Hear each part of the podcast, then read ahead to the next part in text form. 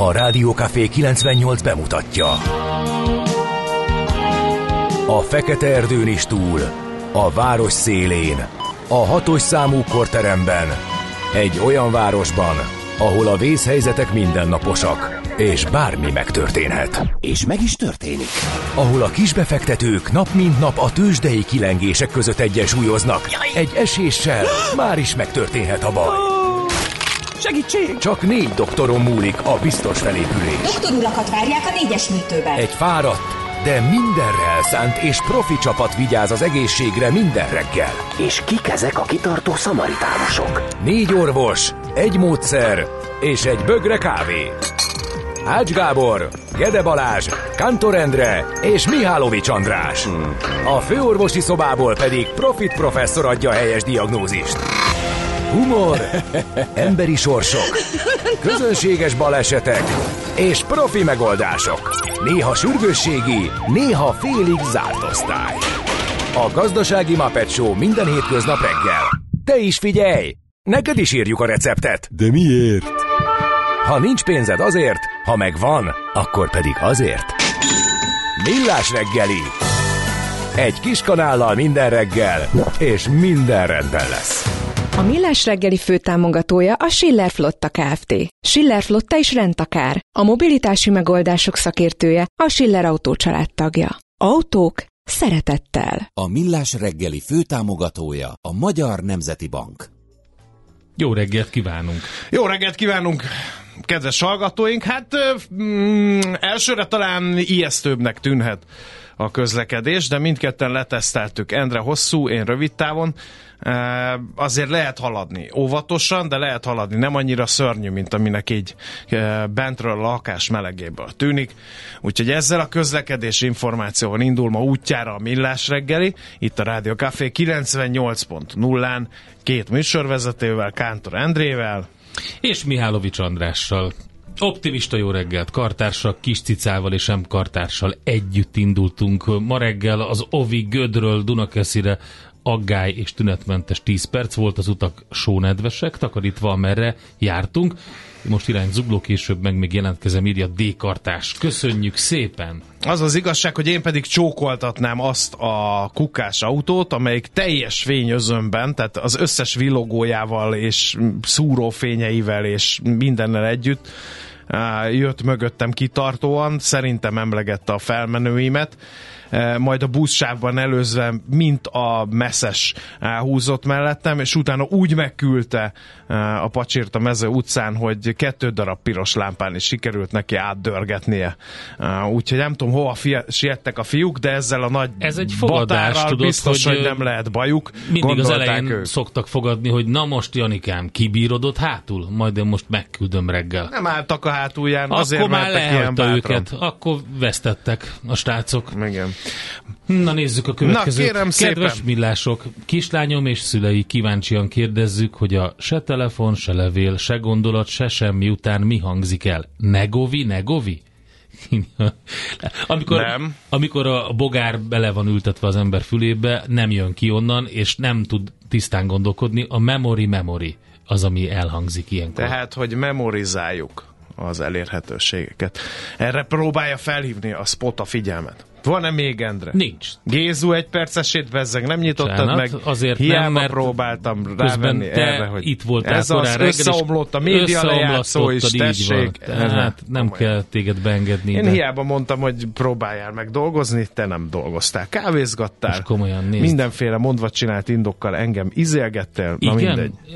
optimista péntek 2023. van, kedves december hallgatók. 8-a van, Én optimista és péntek ti, állítólag. kedves hallgatók, közösen támogassuk Mihálovics Andrást, aki ma borzasztóan frusztrált állapotba érkezett a stúdióba. Nem lehet tudni a pontos okát ennek, Lehet de tudni. legyünk barátai, és támogassuk őt, segítsük át ezen Lehet- a nehéz napon. lehet tudni Egy az okát. komolyan nehéz három és fél óra következik most Mihálovics András számára, de itt vagyunk, szurkolunk, kitartunk veled, András. Igen, lehet tudni az okát, meg is nevezem Kántor Endre, köszönöm. Na, december 8-a péntek van, Mária névnap, Isten éltesse a Máriákat, nagyon boldog névnapot kívánunk e helyről, de természetesen a buzádokat, emőket, emőkéket, immakulátákat, Külikiket is gratuláljuk meg. Nem, biztos, hogy nem. De igen. Öm, azokat a neveket egyébként, amiket említettél, öm, a Külikki, az egy finn eredetű név, női név, képzeld el. Nem és tudtam, a nem bőség, tudtam. bőség a jelentése, beválasztották a névnaptárba. Az immakuláták után nem nagyon volt mit tenni az MTA tudorainak. Vállat vonogattak, és azt mondták, hogy jó, legyenek a kül. És a másik kedves névnaposunk, a Buzát, hogy szivathatták szegényt a általános iskolába. Mindig mondták neki, hogy bord, buzát, békességet, ugye?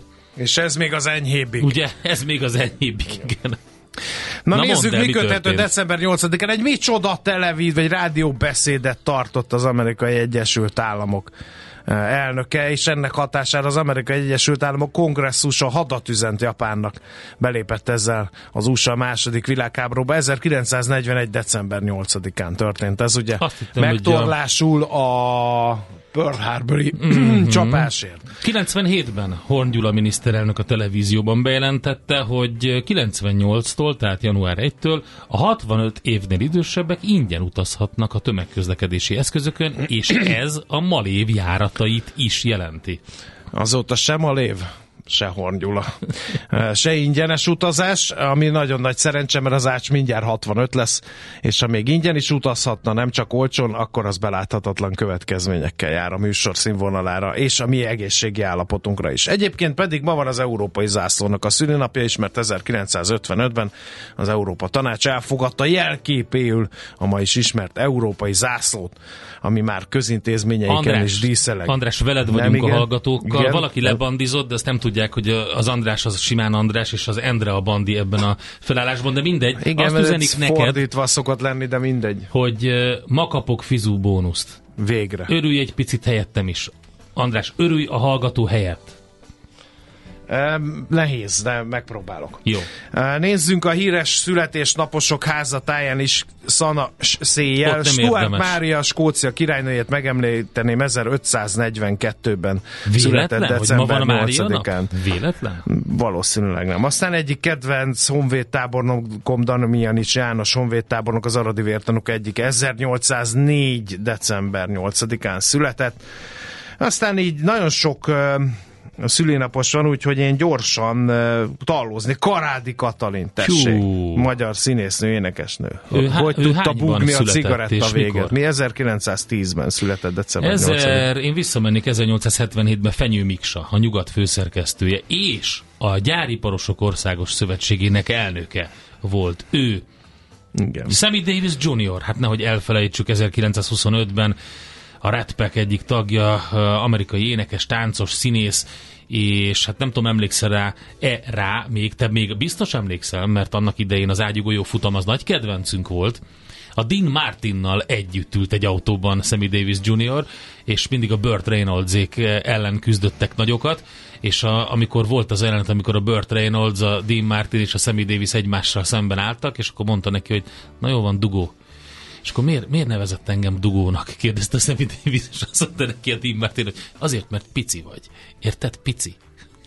Az az igazság, hogy sem az ágyugójó futam, se ez a autóval versenyzünk, és mi vagyunk a legnagyobb királycsávók a világon, jellegű filmek nem mozgatnak meg, úgyhogy Értem. Érted? A, segít, szorítsunk Andrásnak, testvéreim. látom, hogy a halálos iramban már tíz résznél tart. Teljesen Tehát, más. hogy nem, nem, nem Ne- értem a koncepciót. Tényleg az ágyugójó futamot és a halálos iramot egy Igen, lapon mert abban is autóval versenyeztek Isten, mindenféle András, menőcsávok. Nagyon el vagy veszve. Lehet. 1938-ban viszont Tandori Dezső, a nemzet művésze, címmel kitüntetett Kossuth és József Attila díjas magyar író, műfordító születésnapjára is emlékeztetünk, az is december 8-ára esett, ugyanis sajnos ugye 2019 óta Tandori Dezső már nincs velünk. Aztán itt van Jim Morrison, 1943-ban született rockzenész, a The Doors együttes frontembere. Szerintem őt nem kell bemutatni, mint fénykép szobám falám Kim Basinger, amerikai színésznő. Így kell mondani? 1953-ban született. J-vel. Basinger. Nagyon Jó, jól mondtad. köszönöm. András kiválóan Andrással. ki. Terry Hatcher. Őt jól mondtad, őt tudod, hogy kicsoda fejből, Terry Hatcher Nem, egyébként? de ide Na, van látod. írva, én meg beolvasom szolgálek. Az látod. összes embert, akiről fogalmam sincs, hogy kicsoda. Ah, Minaj Istenem. még direkt ide teszem, Nicki mert Endre, Nem nagy tudom, kedvence. Sinead O'Connor-t Azért, rakod? mert az, az, nem a kedvence, Nicki Minaj amerikai énekesnőt hallgatja nyakra főre. A Czoller Randival szoktunk neki mondani, hogy legyen kedves legalább Nicki most ne Minajnak? hallgassa. Nem, neked, hogy Ja, ne nekem? hallgassál Ja, értem. Minaj, de nem lehet veled bírni. Ahogy megszólal, bármelyik szerzeménye azonnal üvölteted itt a rádióban. Ö, 1982-ben született. Tudom, a hallgatók le fognak oltani, hogy miért, Uh, olvassuk be hölgyek születésnapját azért, mert ide van írva, uh, és ez ellen én nem tudok mit csinálni. Segítsünk Köszönöm szépen. Kedves hallgatóink, elmondják neked a hallgatók, lehet, hogy ez az első segítség, egy mentőöv neked, egy úszógumi. Ma van a szerplőtelen fogantatás ünnepe, ezért is Mária nap. Már a katolikusoknak, az osztrákoknál ez ünnepnap, úgyhogy van esélyünk. Hogyha most nagyon termeljük a GDP-t, akkor lehet, hogy sikerül utolérni őket. Fú, Nem, Endre, nem. én neked szorítok, meg ne harapjon a morgós medvei. Köszönöm szépen. Ez, um, a medve nem megharap, hanem félbeszakít, azért az két különböző Gyakorta dolog. De félbeszakít. akkor uh, Endre azt mondta, hogy ezt a számot tegyen be, hallgat csak. Nyugodjon meg, nekik azt mondtuk, maguk az őrültek. Millás reggeli. Nézzük, mit ír a magyar sajtó. A Népszava címlapján új oltási programról olvashatunk, mint egy 700-800 ezer adag az új Omikron variánsokra frissített Moderna oltóanyagot vásárolt a kormány. Ezt Takács Péter egészségügyért felelős államtitkár mondta el egy konferencián. Végre. Az oltóanyag a közbeszerzési eljárás befejeződésével válik elérhetővé a lakosság számára. A vakcinát elsősorban azoknak ajánlják, akik térítésmentes influenza elleni oltásokra jogosultak. 444.hu-n olvasom, hogy Varga Mihály azt ígérte, hogy az oktatásra és az egészségügyre költik majd azt a 300 milliárdos osztalékot, amit az MVM fizet. Béremelések, egészségügy, oktatásfejlesztése ezekre jut majd. Nem is 300 ugye, hanem egész pontosan 309 milliárd forintos ez az osztalék. Egyébként az RTL híradónak nyilatkozta Varga Mihály ezt, és Hát ugye arról a rendkívüli tájékoztatás vagy bejelentésről van szó, amit az értéktősdén, a Budapest értéktősdén az MVM ZRT tett, jelentős méretű 309 milliárd forintos osztalék előleget fizet ki az idei nyeressége terhére, egyedüli részvényese felé az állami költségvetésbe. Több sajtótermék is beszámol arról, hogy januártól a már júniusban bejelentett szinten, vagyis nettó 33 forint 55 fillérrel nő az üzemanyagok literenkénti jövedéki adója, ezt a NAV honlapján tegnap tették közzé, így január 1-én a kiskereskedelmi különadót is beleszámolva bruttó 43 forinttal emelkednek majd az üzemanyagárak. Tessék felkészülni. Mi lesz itt december utolsó napjaiban? Roham. Majd figyelj Roham csak lesz. M4.hu Varsóban meglépik, amit Karácsony Gergely egyelőre nem, mert nagyon más világ jön fél év múlva a lengyel fővárosban. Tiszta közlekedésű övezetté nyilvánítják júliustól Varsó szélesebb központját a lengyel fővárosi tanács által megszavazott határozat értelmében a zónából akkortól kitiltják a régebbi gyártmányú autókat. A Varsó belváros kerületbe, valamint a vele szomszédos negyedekbe július 1-től nem hajthatnak be a 18 évesnél régebbi dízelüzemű, valamint a 27 évesnél régebbi benzinüzemű autók. 2028 elejéig nem vonatkozik az övezet azon lakosaira, akik Varsóban adóznak. Ez a rendelkezés érdemes átolvasni a részleteket az enfor.hu-n. Baj van a Seychelles szigeteken, ezt azért mondom, mert sokan mennek az ergeny erről a Seychelles szigetekre. A főszigeten Mahén egy ipari övezetben hatalmas robbanás történt, olyan, mint hogyha háborús állapotok léptek volna életben. Komoly aggodalmak merültek fel a robbanóanyag készlet miatt, mondta a Seychelles szigeteki elnök. Négy konténer robbanóanyag felrobbant, most nehéz a szívem, és tudom, hogy sok családot érint. Meggöbbenten láttam uh, ilyen állapotokat, olyan, mint a háborút értünk volna át. A nemzetközi repülőtér is megsérült, annak ellenére, hogy 4 kilométerre van a robbanás helyszínétől, az iskolákat bezárták, a kórházakat sürgős esetekre tartják fenn. 170 áldozat van, többségük szerencsére könnyű séreléseket szenvedett. És ha mindez nem lenne elég, még egy nemzetközi hír, háborús feszültség uralkodik Dél-Amerikában, mert Venezuela azt mondja, hogy Guayana Igen. egy harmada az övé, Ez a nem brazilok meg dolog. nem örülnek ennek a történetnek. Most azért lángolt fel a, he, a dolog, mert azt mondta a venezuelai elnök, hogy tessék megközelíteni ezeket a helyeket, és tessék birtokba venni. Erre a brazil hadsereg is oda ment, mert hogy Brazílián keresztül tudják csak megközelíteni ezeket a helyszíneket, és minden mögött mi van, hogy szénhidrogén lelőhelyeket találtak azon hát a részen. nem is Guyanának. kicsit, és a venezuelaik úgy gondolják, hogy ezzel meg tudják oldani a nehéz helyzetét az országnak, ami azért érdekes, mert egyébként is a világ egyik legnagyobb tartalékán ülnek, nem ez okozza a legfőbb nehézséget. Minden esetre ez egy újra fellángolt régi-régi probléma, és ezt próbálják meg most megoldani. Volt már szavazás is azzal kapcsolatban, hogy csatlakozzanak-e, vagy ne csatlakozzanak, na mindegy, szóval ez egy tényleg egy komoly helyzet. Tíz év késéssel beindult a keleti nyitás, csak közben elvesztette az értelmét, lehet olvasni a g7.hu-n. És hát ugye arról szól a sztori természetesen, hogy nem csak lehetőségnek, hanem szükségszerűségnek is tűnt, még egy jó pár évvel ezelőtt, 2010-es években, amikor a miniszterelnök úr a keleti nyitásról kezdett beszélni. Magyarország egyébként ugye a 2008-as, 9-es globális pénzügyi válság során a tönk szélére került, és ahhoz képest kellett onnan valahogy kievickélni. Egy hosszú-hosszú elemzés van arról, hogy miért lett volna jó a keleti nyitás, mikor kellett volna beindulnia, és most van-e értelme, tehát a g7.hu-n lehet olvasni. No, aztán egy uh, hír a komoly zene rajongóknak, sajnos szomorú 79 éves korában meghalt Rolla János segedőművész, a Zeneakadémia Kamara zene tanszékének oktatója és korábbi tanszékvezetője. Az MT-ben olvasható ez a szomorú hír egyéb iránt és hát nem tudom, van-e még Endre esetleg hát figyelj, nálad vannak ilyen valami érdekességek, meg ilyen izgalmas hírek. Például igen. az, hogy ritka bolygórendszert találtak a csillagászok öm, egy milliárd év alatt, alig változott az a hat bolygóból álló rezonáns rendszer, amely nagyjából száz fényévre van a Földtől, és ez az első, nem is, hát, bocsánat, nem, nem, nem az első, az elsők között van, tehát tényleg egy kevés van ezek közül, ami ilyen nagyon lassan változik, és felfedeztek, a hvg.hu lehet olvasni. Jó, akkor nézzük meg, hogy mi volt tegnap a tőzsdékem. Hol zárt? Hol nyit? Mi a sztori? Mit mutat a csárt? Piacok, árfolyamok, forgalom a világ vezető parketjein és Budapesten. A tőzsdei helyzetkép támogatója a Magyar Nemzeti Bank.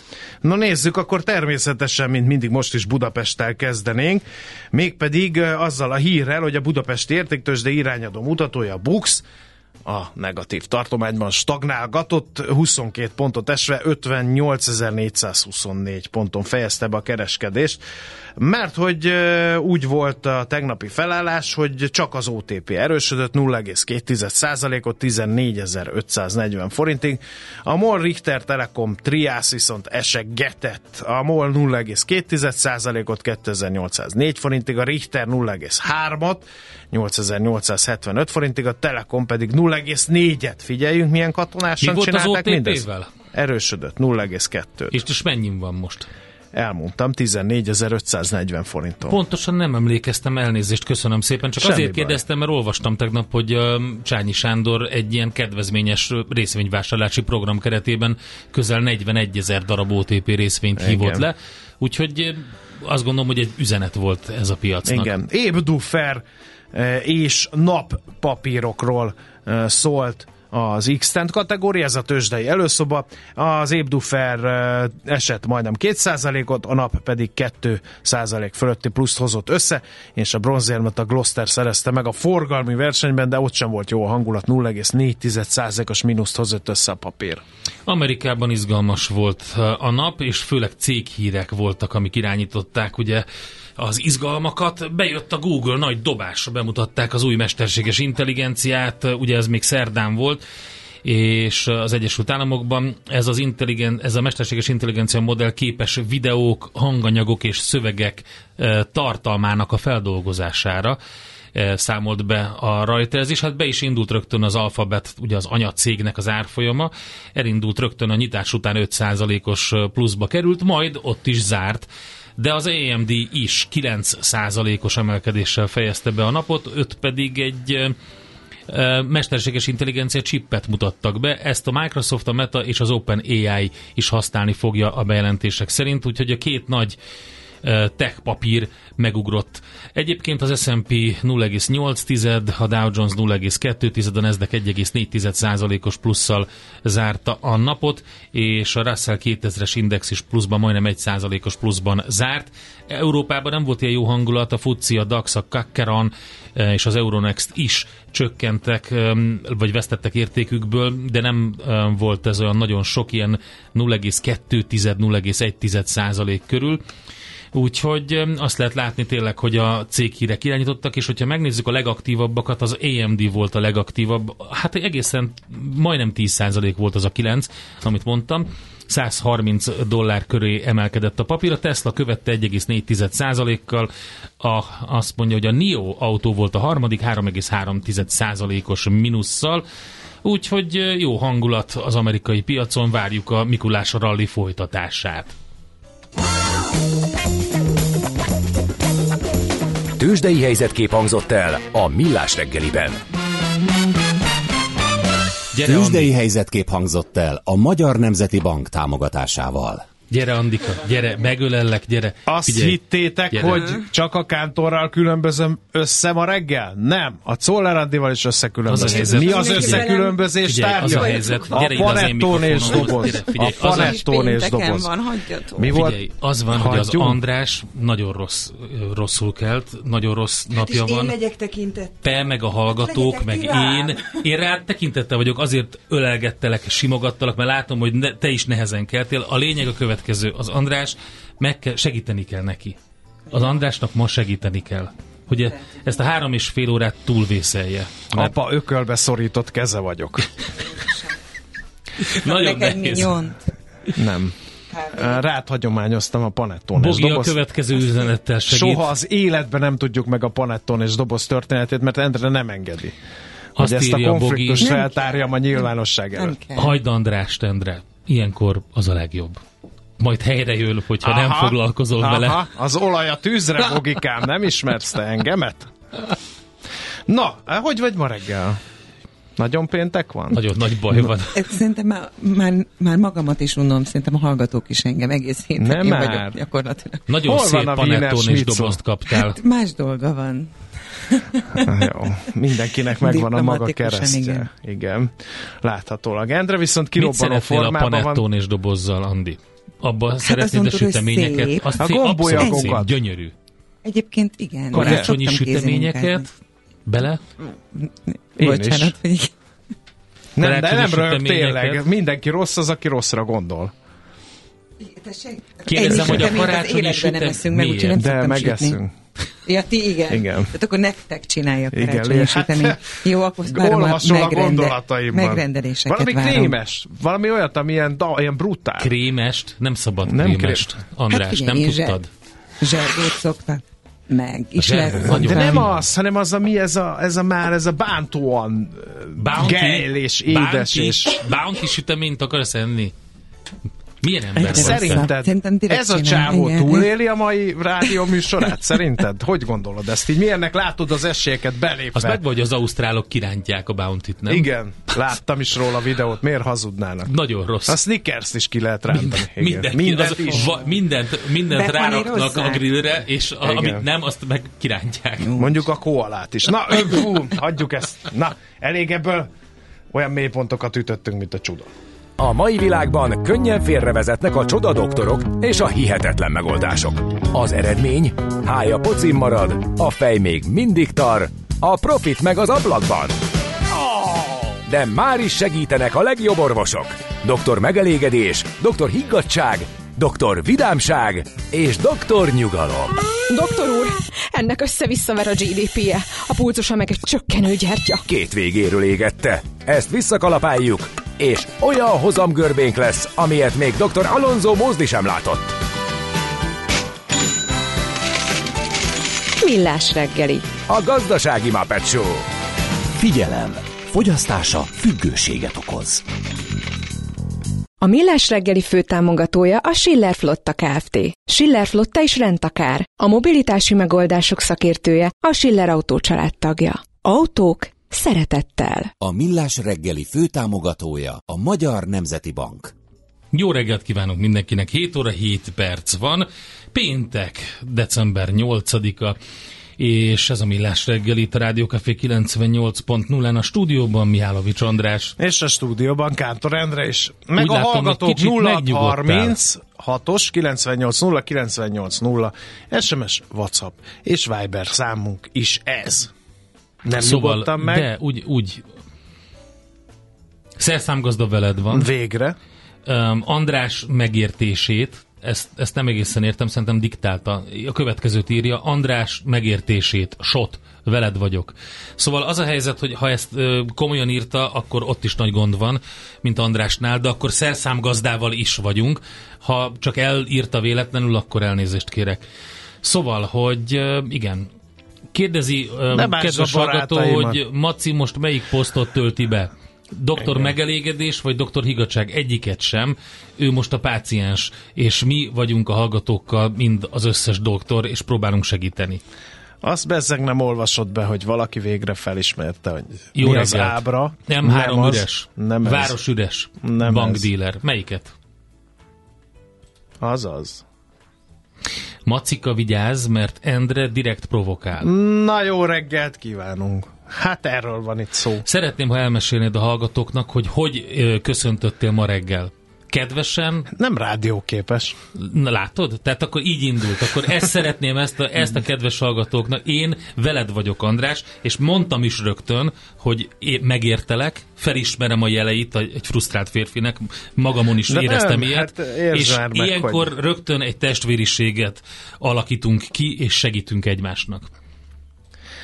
Na, hát akkor, hogy is mondjuk csak innen szép talpra állni, valaki megkérdezi, hogy a kávét próbáltam el, barátos német azzal szereli a család, ha fennforgás van, utána beüt a zen. Hát, nem nekem ehhez lényegesen több nem uh, impulzusra van szükségem uh, annál, mint, és még az ács is lesz ma azt a rohadt életben. addig meg, kedves hallgatóink, ha azt akarjátok, hogy itt minden a helyén maradjon ebben a stúdióban, akkor 9 óra 10 percig közösen meg kell nyugtatnunk Miálovics Andrást. Nem van egy jobb ötletem.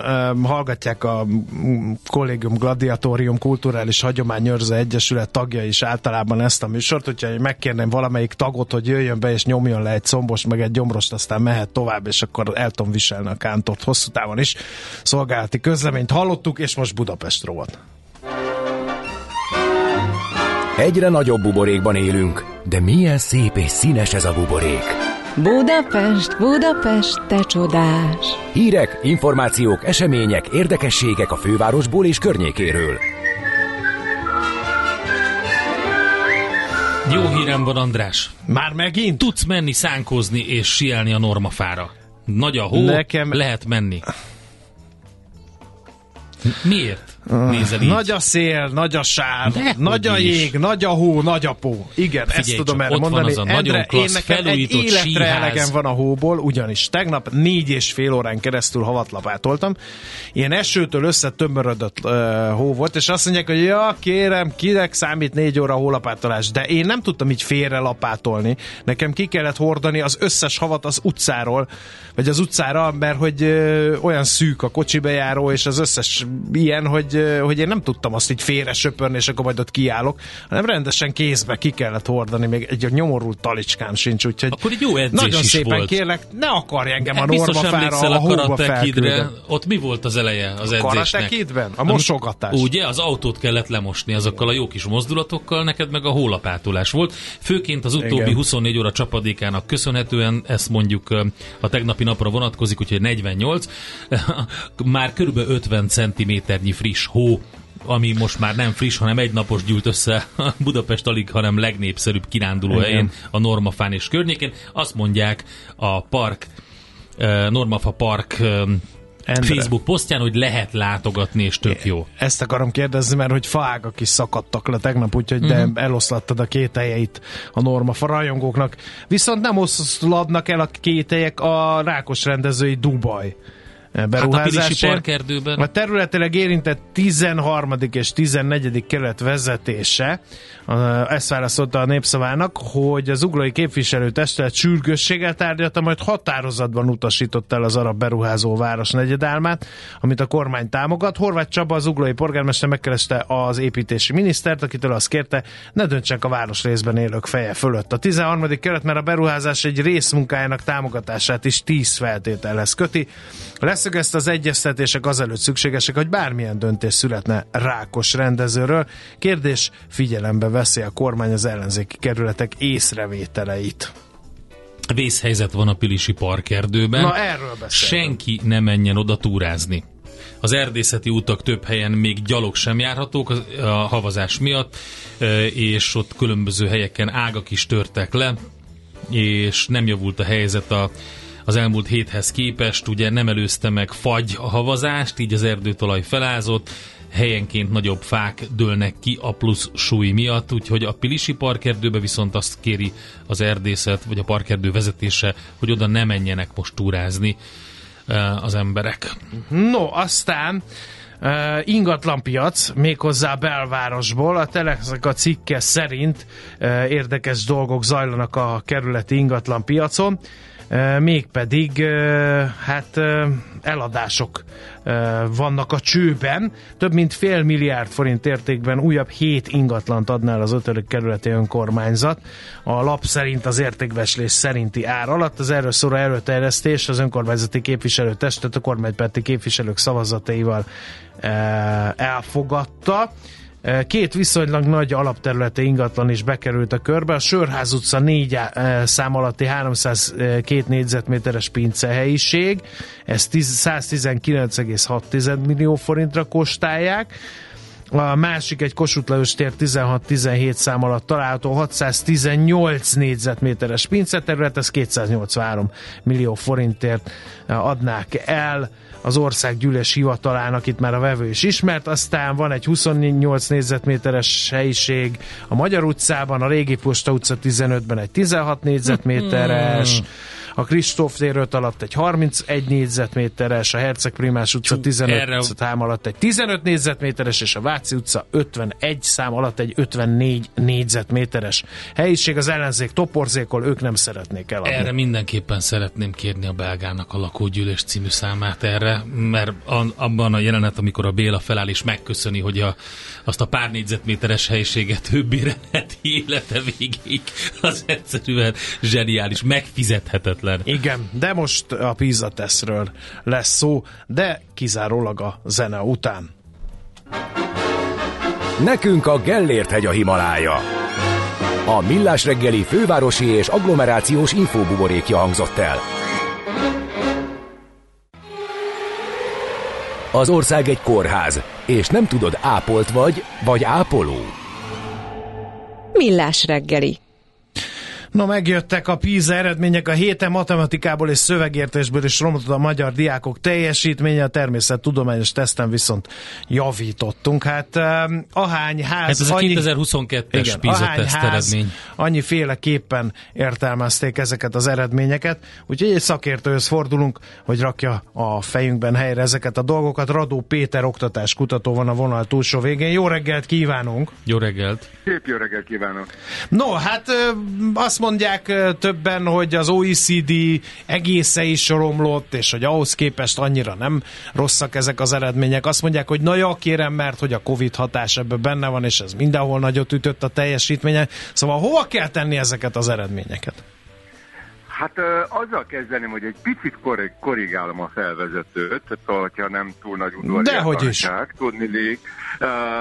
A, az adatok nem nagyon mutatnak sem romlás, sem javulás. Tehát a, a, van valami, amit úgy hívnak, hogy statisztikai a határ, ez a hiba határ, a minden a hasonló felmérésben keletkező adatokkal kapcsolatban, ez 5-6 pont körül van, ami azt jelenti, hogy a leginkább az a magyarországi adatok stagnálásáról lehet beszélni. A matematika teljesítmény egy picit a hiba határon túlromlott, a, a szövegértés és természettudomány esetében pedig sem javulásról, sem romlásról a mért adatok nem tudósítanak. Tehát még egyszer mondom, hogy 18-hoz hasonlóan egy meglehetősen alacsony szinten a stagnálnak az adataink. Hogyha a magyar adatok mélyére ásunk, akkor persze már szörnyű dolgokat látunk, mert az átlagok mögött zajlik egy á, olyan átrendeződés, ami összességében további minőségromlást mutat, de a mért átlagos eredmények alapján nem lehet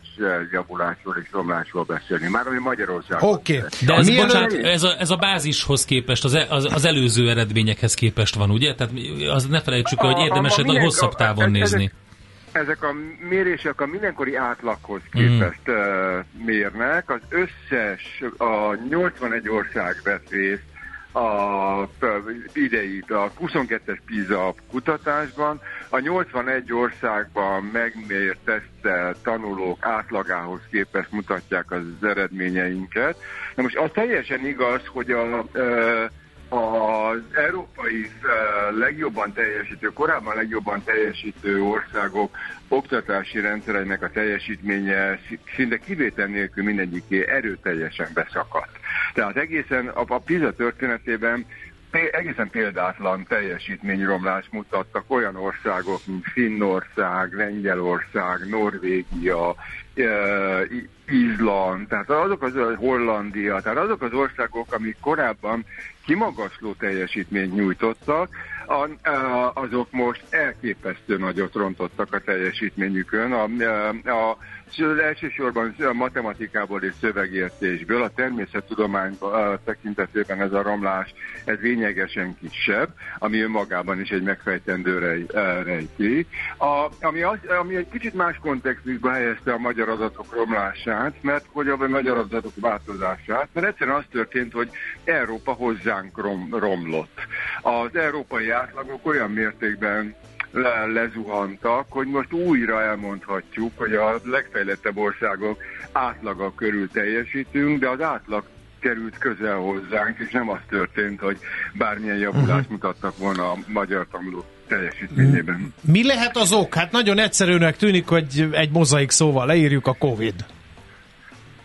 Hát eh, nem ilyen egyszerű, és eh, még eh, a egyértelmű választ erre még egy jó darabig szerintem senki nem fogadja erre.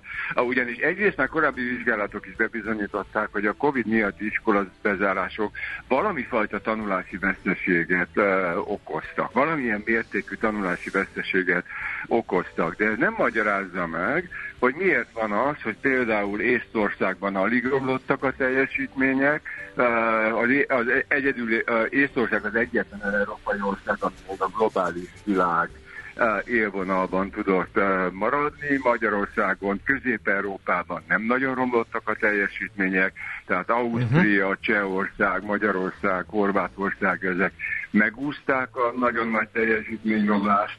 A, a, a, annyi minden határozza meg a tanulási teljesítmények változásait, hogy nehéz azt mondani, hogy ez egyértelműen a, a COVID hatása, és az OECD szakértői is azt mondják, hogy a COVID miatt iskolabezárásoknak volt hatása erre a teljesítményromlásba, de önmaga, önmaguk, önmagában nem magyarázzák ezt meg. Ezzel ezen még sokat fogunk Igen. No, nézzünk a magyar számok mögé, mert engem azok döbbentettek meg leginkább, hogy például matematikából, most nem mondom meg fejből a, az arány, de valami 20% fölötti azoknak a diákoknak az aránya a PISA teszt szerint, akik az alapvető ismereteknek sincsenek a birtokában. Hát ez a magyar közoktatás, ez nem új jelenség. Tudni, a 2012 és 2015-ben egy egészen elképesztő mértékű teljesítményromláson ment keresztül Magyarország, és a, ennek hatására a nagyon megugrottak már akkor a e, megugrott a kudarcot valló tanulók aránya. A, most tulajdonképpen a mostani változások e tekintetben nem nagyok, tehát matematikából csak ugyan romlott a kudarcot valló tanulók aránya, a szövegértésből nem változó, természettudományban egy egész picit csökken, de ez mind egy olyan, mind, ezek mind ilyen 25 vagy a fölötti arányok, tehát ugye magyarán minden negyedik 15 éves Magyarországon funkcionális analfabéta, minden negyedik 25 éves. A, a, a globális felmelegedésben csak annyit lát, hogy kevésbé fog fázni, tehát a, a elemi természettudományos műveltséggel nem rendelkezik, és ez azért szörnyű, mert uh, ennek a 25-30 ezer évente 25-30 ezer gyereknek már most tudható, hogy az életesélyei azok az egész hátralévő életükben egészen rettenetesen gyengék és csekélyek lesznek. A, ezek, a, ezek azok a gyerekek, akik képe, képtelenek tanulni, képtelenek lesznek megtanulni rendesen egy szakmát, képtelen, le, képtelenség lesz őket átképezni bármire is, ők lesznek azok, akiket a pénztárnál bármikor bárki nyugodtan becsaphat. Szóval az életminőségükről már most tudható, hogy ez nagyon gyenge lesz. És ezt később nem is lehet ezt a hiátus gondolom befoltozni. Mert hogy az alapok hát nincsenek meg, akkor vissza kéne ülni az általános iskolai padba, és ott megint előről kezdeni mondjuk a matematika oktatást. Hát. Hát vannak olyan oktatási programok, nem nálunk természetesen, de vannak olyan oktatási programok, amik meglehetősen hatékonyan képesek visszatér, felnőttek esetében is visszatérni a tanulási alapokhoz szükséges kompetenciák fejlesztésére, de nem tud annyira hatékony lenni, mint az iskola első 6-7-8-9 évében megszerzett készségek és tudás. Tehát ez már mindig egy olyan kármentő második esély beavatkozás, de Magyarországon ennek nem, nincsenek kialakult, nincsenek kialakult intézményrendszere, nincsenek erre források, nincs az ezzel kapcsolatos módszertan alig-alig alkalmazza valaki, tehát azt kell, hogy mondjam, hogy Magyarországon eléggé sorszerűen eldől azoknak a pályája a nagyon fiatalon, akik az iskolai tanulásban kudarcot vallanak. Jó, hát elszomorító adatok ezek. Most megint ugye a magyar oktatással kapcsolatban is, de ami aggasztóbb, mint hallhattuk, hogy Európa is romlik. Úgy Nekem még annyi kérdésem lenne, hogy ugye ezt az európai romlást, amit láttunk, ez egy viszonylag uh-huh. komoly vargabetűt mutat. És ennek a különböző okait biztos, hogy keresni fogják a minden országban az oktatásban résztvevők. De hogy um, mi valószínűsíthető, vagy lehet-e prognosztizálni a jövőre vonatkozóan, hogy itt ezt így vissza kalapálják a pozitív irányba, mert mi azért egy ideje már stagnálgatunk, és inkább a, uh-huh. inkább a romlás fele megyünk. A, hát Magyarországon erre különösebb esélyt nem látok. Van az európai oktatási rendszerek jelentős része még sokkal adaptívabb. És én arra számítok, hogy nem csak a nemzeti oktatáspolitikák, hanem az EU e egésze kapott egy hatalmas pofont ezekkel a PISA eredményekkel, úgyhogy szerintem a következő években a legtöbb európai országban és az EU szintjén is egészen brutális nyüzsgés indul majd meg ezzel kapcsolatban, mert hogy ezek az adatok azt jelzik, hogy az Európa hosszú távú globális versenyképessége az erőteljesen megrecsen. Tehát ez egy nagyon erős figyelmeztetője. Úgyhogy én azt gondolom, hogy a következő években az látszik majd, hogy többenetes energiákat fektet majd nagyon sok ország arra, hogy fektesse az oktatási rendszerét, elképesztően mennyiségű plusz erőforrás költenek majd erre, nagyon intenzív európai szintű politikai koordinációra és kölcsönös tanulásra és kölcsönös fejlesztésre számítok, és az európai oktatáspolitikáknak a hatékonysága az meglehetősen nagy. Tehát amikor célul tűzték ki, hogy a nagyon magas korai iskola elhagyó arány egy nagyon alacsony szintre szorítsák le Európában, ezt 15 év alatt gyakorlatilag megtették. A, és én a, tehát én arra számítok, hogy a, a Európa adaptívabb része, és pont azok az országok, amik most kaptak egy nagyon nagy pofont, és most egy PISA sokkon kell megint megélniük, ezek az országok képesek lesznek a korrekcióra, és képesek lesznek olyan beavatkozásra, ami uh, újra javítani kezdi majd az eredményeket. Tehát én arra számítok, hogy a, ha nem is feltétlenül a 2015-ös, de a 2025-ös következő mérésben, de a 2028-as ezután, azutáni mérésben már egyértelműen látszani fognak ezek az eredmények. A nagy kérdés, hogy mi lesz azokkal az országokkal, az, ahol az oktatáspolitika nem fogja ambicionálni a gyerekek alapkészségeinek a javítását, és nem fog komoly oktatáspolitikai fordulatot végrehajtani. A, a mi országunk is ilyen, tehát én nem Hollandia vagy Finnország miatt aggódom, hanem változatlanul elsősorban Magyarország miatt aggódom. Igen, köszönjük, köszönjük szépen. szépen. Szép napot kívánunk! Szép napot! Szép napot! Radó Péter oktatáskutatóval beszélgettünk. A genetika megtölti a fegyvert, de az életmód húzza meg a ravaszt. Millás reggeli. Na nézzük akkor, hogy mivel hát nézzük. Hát mit, mit Már szeretnél ha van nézni? mit? A szélerőműveket, ugye? Azt ugye nem nézzük, mert nem nagyon épülnek, de hát majd változik hát, ha a helyzet. Megbeszéljük, eh, hogy mi áll a háttérben Losonci Gézával, a KPMG Associate partnerével. Jó reggelt kívánunk! Jó reggelt, kívánok, szervusztok, köszönöm no. a hallgatókat. Hát eddig Változik ugye nem épültek uh, szélerőművek Magyarországon, mert uh, nem volt olyan földrajzi pont, ami kellő távolságra lett volna a településektől, de úgy hírlik, többek között az energiaügyi miniszternek a szavaiból, hogy ez változni fog ez a helyzet. Í- így van, mindenképpen ez a változás várható, és ez, ez azt gondolom, hogy a szakma által egy nagyon üdvözölt változás, mert a ellátásbiztonság és egyáltalán a megújuló átmenet szempontjából ez egy fontos lépés lehet. Egyébként ez hogy mondjam, egy ilyen, amikor van egy autónk, és leállítjuk, és azt mondjuk, hogy ezt most egy darabig nem használjuk, és utána újra akarjuk azt indítani. Azért az nem egy egyszerű feladat. Tehát így a piac nem rozsdásodott be, ettől nem ment el a kedve a szélerőművek építésétől, nem épültek le ezek a kapacitások? Hát azt gondolom, hogy nagyon-nagyon berozsdásodott tehát aki szerintem utoljára épített Magyarországon szélerőművet, már, már megkockáztam, hogy mindig díjba ment, vagy legalábbis már a pályának a végén van.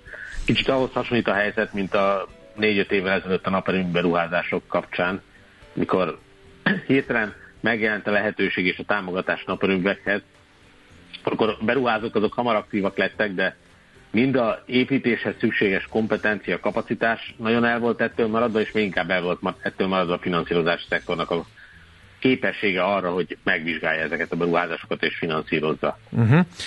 Most ugyanez a helyzet? Tehát vagy, vagy azért a finanszírozók tekintve, hogy mondjuk ESG eh, irányelvek tombolnak szana széjjel az országba, azért lehet, hogy alig várják az ilyen projekteket, tehát financiális oldalról mm, jobb a helyzet talán? Azt gondolom, hogy szándék szempontjából talán tényleg jobb a helyzet, bár egyébként a naperőművek megjelenésekor is azért volt ésség arra, hogy beruházásokat finanszírozzanak. Azonban abból fakadóan, hogy gyakorlat nem épülhetett ki, nem hinném, hogy a legtöbb pénzintézetben, befektetőnél kiépült volna az a kompetencia, hogy ha kapnak egy megkeresést egy szélerőmű finanszírozáshoz, akkor erre megfelelően fognak tudni reagálni, mert, mert egy szélerőműnek mind szabályozás szempontjából, mind technológiából, mind, mind földrajzi és egyéb kockázatok szempontjából jelentősen más megközelítéssel kell vizsgálni, mint, mint mondjuk egy naperőm beruházás, vagy az eddig ismert beruházásokat. Um, és hát értem ezt meg kell tanulni. Igen, beavatnál, hogy miért kell ezeket másképpen vizsgálni, mondjuk financiális szempontból? Hát több, több kulcskockázati pontot lehet itt azonosítani.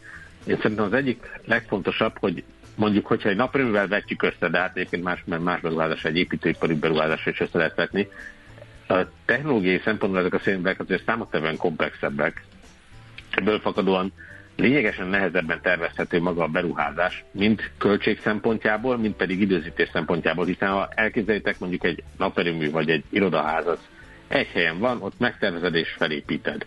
Még egy szélerőmű egy nagyobb területen elszóltan helyezkedik el, ez jogilag egy komplexebb történet, ugye több-több érintett telket érint, több-több tehát ezeket az erőműveket egy, egy vezetékrendszerrel össze kell kötni, majd be kell kötni egy hálózatba, ez is mind technikailag, mind pedig jogilag egy, egy sokkal bonyolultabb folyamat. Emiatt a, mintha a beruházási költséget nézzük, mint pedig a beruházásnak a időben megvalósulását, illetve a kapcsolódó jogi kockázatokat, akkor biztos, hogy, hogy egy edukáltabban és, és, és megfontoltabban kell eljárni, mint egy, uh-huh. egy, egy helyen levő beruházás kapcsán. Mi Szerintem inkább az lehet, bocsánat, a, a, hogy amit te is említettél az előbb, hogy kikoptak a szakemberek, nincs meg a megfelelő tapasztalat, bár best practice nyilván vannak. Ezzel szemben a naperőm, naperőműveknek, meg a napelemeknek a telepítése és felépítése, ez egy abszolút bevett gyakorlat, mindennapos lett, és egyre többen foglalkoznak vele, tehát megvan a rutin, és megvannak az erre szakosodott intézmények, ellátás, szakemberek, stb. Szóval, hogy ezért lehet nehéz, és önmagában szerintem maga a technológia az oké, okay, lehet, hogy bizonyos szempontból bonyolultabb, más szempontból nyilván egyszerűbb, csak hogy nincs meg ez a tudás. Hát ez a lényeg, tehát az biztos, hogy globálisan vagy nemzetközi szinten ez a tudás létezik, és ezt be is lehet hozni, de hogyha egy akkora boommal tervezünk, már mint a naperőművek kezdetében volt, akkor, akkor itt hirtelen annyi szakemberre lesz szükség, uh-huh. Hogy nem lehet majd ezt megtalálni a magyarországi piacon, illetve azt gondolom kiindulva a korábbi tapasztalatokból azért a finanszírozóknak az elvárása, hogy saját maguknak a tudása is megkeretkezzen erre, hiszen nem lehet mindent kívülről megvásárolni, és, és saját maguknak fel kell készülni erre. Úgyhogy például nem, nem régen hallottam egy történetet, Horvátországban építettek egy egész hatalmas célparkot, bár ott az adottságok azért mások, de nem megfelelően csinálták meg a célmérést. Hm.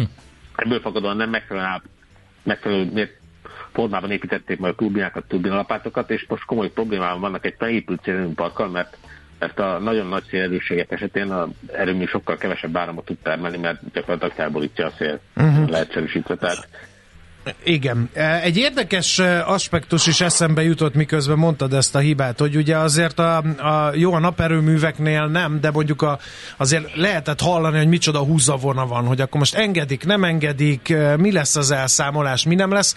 Ez ilyen jogbizonytalanságot jelent. Ilyenkor azért nem, tudom, hogy az alternatív energiákba beruházók nem gondolnak erre, hogy oké, okay, én most elég sok pénzt belakok egy ilyen szélerőműve, ami eddig tiltott volt, majd most majd engedik. Ki tudja, hogyha majd megint átfordul ez a dolog, akkor megint engedik-e? Mennyire van biztosítva hosszú távon az, hogy én mennyiért fogom tudni eladni az általam termelt áramot, és a többi, és a többi? Hát a, a, azt gondolom, hogy a beruházásokat mindenképpen támogatja, hogy jogbiztonság legyen. Azért mind a mellett, hogy látszanak bizonytalanságot Magyarországon, számos más országhoz szemben még mindig jelentős jogbiztonság van, bár az adózás terén mostában történtek változások.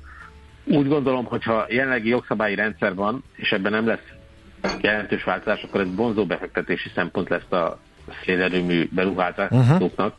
Illetve azt gondolom, hogy a, szemben a klasszikus solar capture árral, a wind capture ár nem annyira kiegyensúlyozott, mint egy sinor terméknek az ára, de, de mégis sokkal biztosabb megtűnés biztosít, mint, mint hogyha mondjuk egy solar capture szabadpiaci solar capture épített naperőm uh-huh. beruházást próbálna az ember meg. Hát vagy a portfólió diversifikálni lehet jelentősen, hiszen ugye azért nagyon sokszor előfordul az, hogy azokban a téli időszakokban, amikor nincsen nap, főleg itt a mi régiónkban, akkor viszont a szél az fúj, úgyhogy ugyanúgy lehet termelni. Igen, ez egyébként egy sláger téma, és, és érdekes mondom, Magyarországon nem jelent még meg, de már külföldön egyre inkább megjelennek ezek az úgynevezett hibrid erőművek, amikor ugye egy, egy nagy nehézség Közép-Európában, Magyarországon is ez a csatlakozási pontnak a hozzáférése is. Hogyha ugye egy erőműnek már, egy naperőműnek mondjuk van már egy csatlakozási pontja, és történetesen ott fújaszér és az adottságok megvannak, akkor össze lehet kötni ugyanahoz a csatlakozási ponthoz a naperőművet és a szélerőművet, és ö, nagyjából nem, kevés az, az az időszak, amikor egyszerre fúj a szél és egyszerre süt a nap. És ebben akár jelentős beruházási költséget is lehet megspórolni. Egyébként e, ezzel kapcsolatban csak egy megjegyzendő, hogy nemrég jelent meg a energiámat a nemrég hosszú nyilvánosságra új csatlakozási díjakról szóló rendeletet, ami azt gondolom, hogy előremutató, és az is támogatja új beruházásoknak a megjelenését, és ez is növeli a biztonságot. Oké, okay, ez nagyon szépen köszönjük. Figyelni fogjuk magát ezt az egész folyamatot, és hogy egyáltalán milyen erők mozdulnak meg szélerőmű kapcsán. Köszönjük az információkat, érdekes beszélgetés volt. Köszönöm szépen, hogy hívtatok. Szép napot! Losonci Gézával, a KPMG Associate partnerével beszélgettünk arról, hogy 2010 óta nem épültek szélerőművek Magyarországon, befagytak a projekt előkészületek, de hogy milyen jövő körvonalazódik.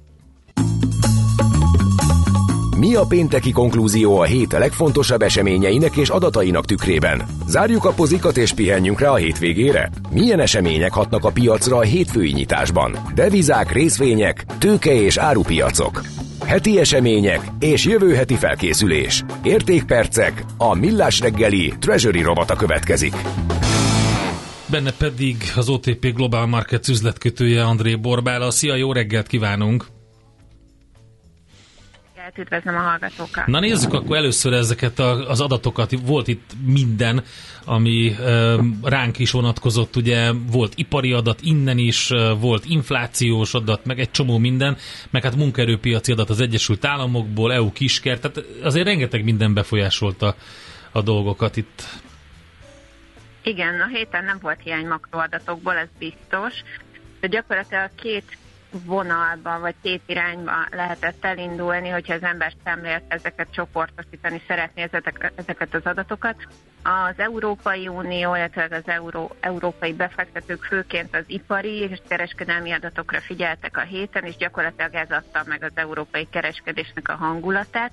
Míg az usa ahogy te is elmondtad, a munkaerőpiac helyzetét figyelték árgus szemekkel, és gyakorlatilag ez lesz még a meghatározó a mai napra is, mert azért a fajsúlyos USA adatok azért ma fognak napvilágot látni, de azért egy kis spoiler azért a héten elsütöttek.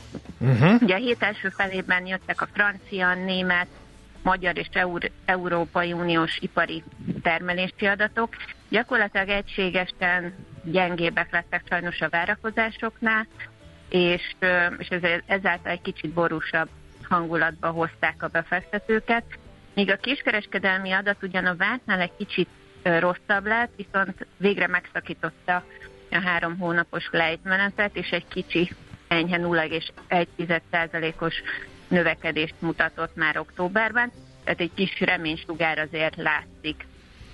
És hát. miután ezek lementek, ezek az igen? Nem, csak azt akartam kérdezni, hogy miután lementek, igen, azt akartam kérdezni, milyen reakció lesz erről a monetáris politika részéről. Igen, alapvetően az látszódik, hogy ugyan az inflációs adatok, ugye jövő héten látunk majd inflációs adatokat, kicsit azért már jobb helyzetet mutatnak, azonban azért még árgus szemekkel kell figyelni ezeket az adatokat, főleg majd a GDP adatot, hiszen azért ezek a makroadatok majd befolyásolják a jövő évet is, tehát hogy milyen kamatpályára állnak át majd a jegybankok. Ugye az LKB-nál is elsősorban az kerül majd várhatóan fókuszba, hogy talán elkezd lazítani, sőt nem is talán, hanem alapvetően ez a befektetői várakozás. Tehát talán csökkennek majd ezek, a, ezek az alapkamatok, ugye most 4,5%-on van az LKB-s kamat, és ebben azért markáns csökkenést várunk, várunk majd így a jövő évtől. Egyébként hasonló mutatkozik a, a Fed esetében is, mert az USA adatok alapvetően, amik kijöttek a héten, azok is ezt támasztják alá, tehát az üres álláshelyek száma, az ADP adat mind-mind gyakorlatilag azt mutatják, hogy már talán kevésbé feszes a munkaerőpiac, vagy legalábbis elindult valami. Így úgy tűnik, hogy a Fednek a szigorításai kezdenek célba érni, és ezáltal ez majd az inflációra is kedvező hatással lesz és ennek, ennek gyakorlatilag konfirmálását szeretnénk látni majd a mai adattól is az USA-ban, az átlagkeresetek, ugye a non-farm, a munkanélküliségi ráta, ezek, ezekre mind-mind érdemes lesz ma délután figyelni, mert ez adják majd meg a jövő heti FED kamat döntőlésnek például valószínűleg az alaphangját, illetőleg erre építi majd a, a, a kamatpályát várhatóan majd a jövő évben a Fed. A jövő héten milyen adatokban uh, lesz részünk, mik jönnek ki, mik befolyásolhatják a piacokat? Uh-huh. A, még a héten is lesznek érdekes adatok, tehát a magyar inflációs adat például most jön, meg hitelminősítői döntés, de a jövő azokról majd, majd lehet, hogy érdemes uh-huh. lesz pár szót mondani, de alapvetően a jövő héten a Fed, a BOE, tehát a, a brit jegybank is, és az LKB is kamat döntő ülésre készül, szóval ezek mindenképpen hangsúlyos adatok lesznek. A USA-ból érkezik majd fogyasztói árindex, illetőleg magyar vonatkozásban egy újabb hitelminősítő döntés, idén az utolsó, a Fitch. fogja majd megmutatni az adósság. Igen. Uh, beszéljünk az inflációs, magyar inflációs kilátásokról. Uh, mire lehet számítani? Uh, lesz ma meglepetés? Um, talán pozitív irányú lehet. Az előző adat ugye már egy számjegyű, tehát ez a 9,9-es ráta, ez, ez, ez, ez végre ugye egy számjegyű. Alapvetően azt várjuk az adattól, ami fél kilenckor jön majd ki, hogy az is jobb képet fog még ennél is mutatni. Tehát ilyen 8-8,1 akár 7,9-es adatot is várhatunk mára, tehát egy markáns, markáns erősödést ebben az adatban valószínűleg megfigyelhetünk majd itt. Főleg az energiaárak vannak ebbe benne, ugye a héten is azért masszívan ment lejjebb a gázár is például, tehát azért ezek mind-mind támasztók. Igen. Ezek ezeknek az adatok. A hitelminősítőkkel kapcsolatban, ugye ezt korábban említetted, hogy az is lesz majd a jövő héten, ott várható meglepetés, és nem csak minket néznek, hanem a kínaiakat is, és ugye a kínaiakról nem jó hírek jönnek, nagyon nehezen térnek magukhoz gazdasági szempontból, sokak szerint nem is fognak teljesen magukhoz térni annyira, mint ahogy teljesítettek az elmúlt hétben. Kínával kapcsolatban lehet meglepetés? Magyarországgal kapcsolatban lehet meglepetés a hitelminősítőktől? Kínával kapcsolatban előbb gondolok meglepetésre, tehát lehet, hogy látunk esetlegesen egy, egy leminősítést. Magyar vonatkozásban, ugye ami ma fog publikálásra kerülni az S&P, az érdekes olyan szempontból, hogy itt már egy BBB mínuszos státuszunk van, tehát ugye ami egy, egy befektetési fokozattal van a, nem ajánl, a befektetésre nem ajánlott kategóriától, de ugyanakkor meg van egy komfort itt a, itt a konszenzusban, tehát azt látszódik, hogy talán változatlanul fogják hagyni ezt az adósságbesorolást, persze hitelminősítői döntés nem fog változni, hiszen amit jelzett még korábban az S&P, hogy az energiaellátottság és az EU-s források oldaláról, ugye attól kaptuk meg ezt a negatív minősítést a, a múltban, hogyha esetleg ezekben történt volna markánsabb negatív irányú elmozdulás, akkor nagyobb veszélye lenne a, uh-huh. ennek a mai okay. hitelminősítői döntésnek. Tehát reméljük, hogy, hogy marad a besorolás. Reméljük. Nagyon szépen köszönjük az köszönjük összefoglalót. Szépen. Szép napot, jó, jó hétvégét. Jó hétvégét, szervusz. Sziasztok, nektek is szép. André Borbálával beszéltünk az OTP Global Market üzletkötőjével. A hét legfontosabb eseményei és jövő heti felkészülés. Értékpercek. A Millás reggeli Treasury rovata hangzott el. Andi, adjunk uh, ennivalót Andrásnak, azt javasolják itt többen. A Team Maci több szívecske született, hogy veled vagyunk, és Igen. egyébként én úgy érzem, hogy elkezdett megnyugodni. Nem. Vagy elfáradt, vagy pedig kevésbé hergelték a témák. Igen. Az állatok... Anna ölel, Anna ölel, Team végre. Maci. Esetleg próbáljatok Macinak kaját adni, azt szerintem megnyugtatja, írja Zsolt. Igen. Szerintem is. Andi, vágjuk már fel azt a finom olasz édességet. Igen, köszönjük a szépen a türelmet. A, a szavaim meghallgatásra találtak, az edzőm elindult fej gyomor kombot nyújtani, úgyhogy most egy kis türelmet kérünk még, ez mindez lezajlik.